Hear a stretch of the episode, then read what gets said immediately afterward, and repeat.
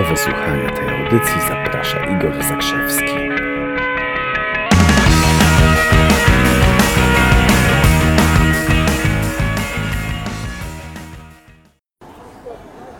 Dzień dobry, dzień dobry. Igor Zakrzewski z tej strony. Przygotuj się na wiadomość. Odcinek po 4 czy 5 dniach przerwy, ponieważ podróżujemy sobie z namiotem przez Skandynawię i e, rozbijamy się gdzie popadnie nie zawsze jest internet.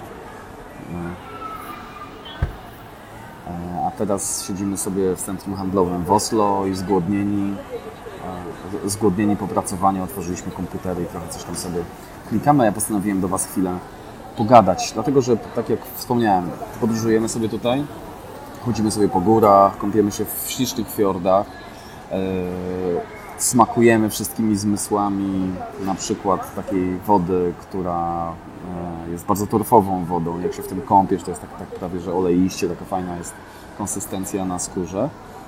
I zachwycamy się też mentalnością i stylem bycia e, Norwegów. Dlaczego? Dlatego, że oni się wydają być niesłychanie dbający o, o innych ludzi i e, to jest coś, i o środowisko, i w ogóle o dobro wspólne, o takie, takie historie.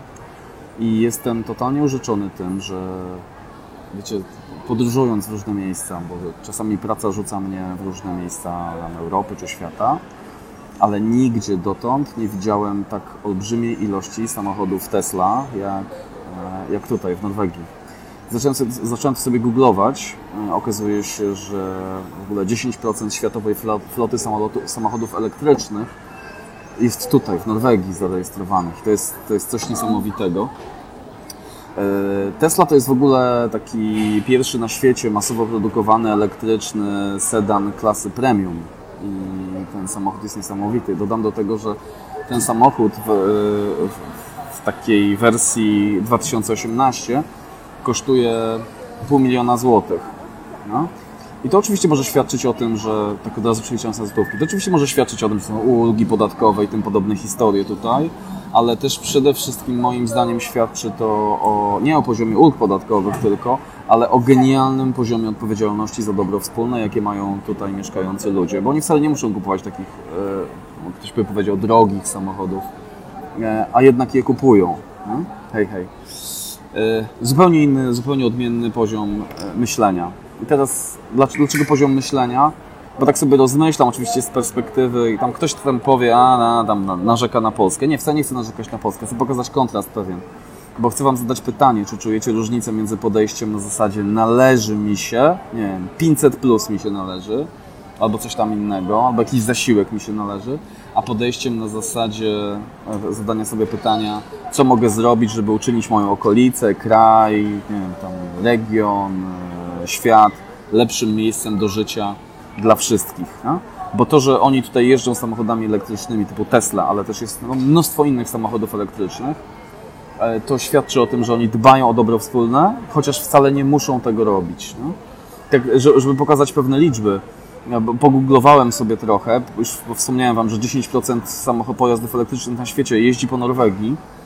W Polsce samochodów marki Tesla jest zarejestrowanych 300. To według danych na tam kilka miesięcy wstecz. 300 samochodów, a nie, na teraz, na teraz też. 300 samochodów elektrycznych marki Tesla. Nie?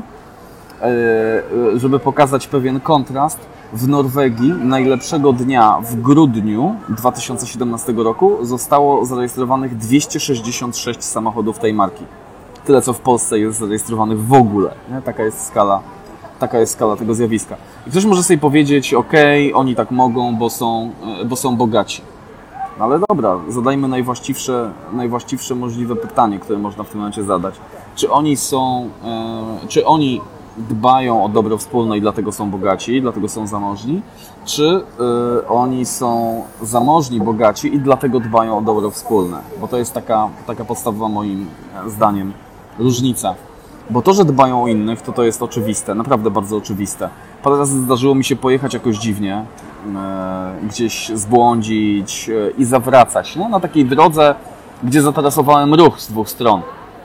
Zawracałem kilka razy, taka, taka wiecie, no, e, do przodu, do tyłu, na wstecznym, znowu do przodu, do tyłu, na wstecznym, żeby zawrócić i powrócić, i powrócić inną drogą. Nigdy, naprawdę nigdy, a, zdarzy, a zrobiłem to parę razy, nigdy nikt na mnie nie trąbił. po- podnosiłem rękę w takim geście przepraszającym, to ludzie odmachiwali, uśmiechali się, u jak fajnie, nie? Fajnie i, i, i tam sobie jechaliśmy dalej. A? E, Pewnie w Polsce to by się skończyło jakimś tam tekstem, jakąś wiąchą typu ty debilu, jak jeździsz, nie umiesz jeździć, kto cię uczył jeździć i tym podobne rzeczy. Tutaj ludzie są autentycznie, autentycznie dbający i, i naprawdę to jest zupełnie inna klasa. A ja chciałem powiedzieć o tym jeszcze na sam koniec, że najoczy, najoczywistszą z możliwych rzeczy, że to wcale nie jest tak, to, to wcale nie jest tak, że my nie mamy warunków, że, że u nas jest gorzej i, i, i tak dalej, dalej. Dajmy sobie spokój z jakimiś fałszywymi, fałszywymi truizmami. E, to, bo to jest, jak w Polsce jest takie powiedzenie, nie? dlaczegoś głupi, boś biedny, dlaczegoś biedny, boś głupi. Nie? To jest tak, takie, nie wiem czy słyszeliście, coś takiego e, mówimy w Polsce. Bieda albo bogactwo, zamożność to jest stan umysłu. nie? I tak jak przejawami biedy to jest na przykład nie wiem, walka o byt, nie? że koniecznie coś musisz wygrać, albo skąpstwo, albo złośliwość, hejt w odniesieniu do innych, ograniczone myślenie, lęk przed utratą pieniędzy, lęk przed ludźmi, postawa należy mi się, myślenie ze strachem o przyszłości. To są przejawy biedy, to, to są rzeczy, które programują biedę. Tak samo e, przejawy zamożności, odwrotnie, to jest współpraca z innymi, to jest hojność, dbanie o innych, przekraczanie granic, podejmowanie uzasadnionego ryzyka, zadawanie sobie pytania, co mogę wnieść i myślenie kreatywne o przyszłości. I teraz mamy dwa wyjścia, zawsze moi kochani mamy dwa wyjścia. Myślenie w e, kategoriach biedy albo w kategoriach bogactwa. I to oczywiście nie jest tak, że to się samo zrobi. Yy, ale że, że jak będziemy myśleli w kategoriach bogactwa, to bogactwo się zrobi samo. No nie, nie. Jak ktoś tam kiedyś mówił o prawie przyciągania i tam, uuu, to jest prawo przyciągania. Siądę sobie przed komputerem, popatrzę w komputer, wyobrażę sobie, że mam tam milion dolarów. Ten milion dolarów się nie pojawi. Nie, nie, on się oczywiście nie pojawi, nie, nie spadnie ci, nie, nie spadnie ci z, z nieba, nie spadnie ci z dachu, ale to jest pierwszy krok. W ogóle dopuszczenie takiej możliwości, że możesz, że możesz mieć, że możesz być bogaty, że możesz być zamożny, to jest pierwszy krok w tym kierunku. I z całą pewnością nie wierząc w to, nie, nie wierząc w to, że e, możesz być bogaty jako stan umysłu, że możesz mieć taki stan umysłu, niczego, e, niczego nie osiągniesz. Związku z tym zachęcam Cię do, do, do podejścia tak trochę na Skandynawa, do dbania o innych, do takiego bycia autentycznie dbającym o innych, o dbania o dobro wspólne, bo nawet rzucenie, nie wiem, papiera w lesie jakiegoś albo butelki, jak się trochę się śmiałem e, przez łzy prawie, widząc w lesie gdzieś norweskim e, butelkę po piwie żywiec takim, wiecie, 5% czy tam 5 z kawałkiem. Oni tutaj mają piwa maksymalnie 2 z hakiem e, procenty ze względu na miejscowe, miejscowe przepisy odnośnie spożycia alkoholu. W związku z tym na pewno to było piwo przywiezione z Polski. Nie?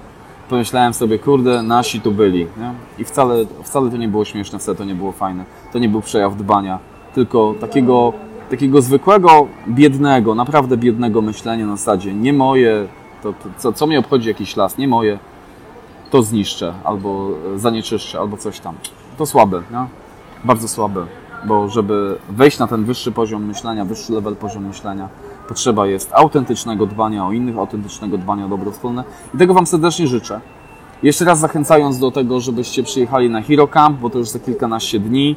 Tam będziemy dużo pracować z podejściem, dużo będziemy pracować z EUBem. Moim zdaniem to będzie najbardziej transformujące wydarzenie roku. Ja tutaj ładuję akumulatory jak samochód elektryczny o bardzo dalekim zasięgu i zobaczycie na Hero Campie już 10 sierpnia w cudownym miejscu, w cudownym zakątku, który się nazywa Orzechowy Dworek na Żuławach. Będzie po prostu genialnie. Zrobimy najbardziej transformujące wydarzenie tego roku, ok? Więc zaufaj, przestań nam, nie wiem, szukać wymówek, tylko po prostu pakuj dupę i przyjeżdżaj na Hero Camp a, i widzimy się 10 sierpnia. Tymczasem pozdrawiam serdecznie z Oslo, ze stolicy Norwegii. Łapka w górę, przygotuj się na wiadomość. Jestem przygotowany, jestem przygotowana. Jesteś najbardziej zamożnym i bogatym mentalnie człowiekiem na świecie. Pamiętaj o tym. Machamy, pozdrawiamy, dbamy. Cześć, pa.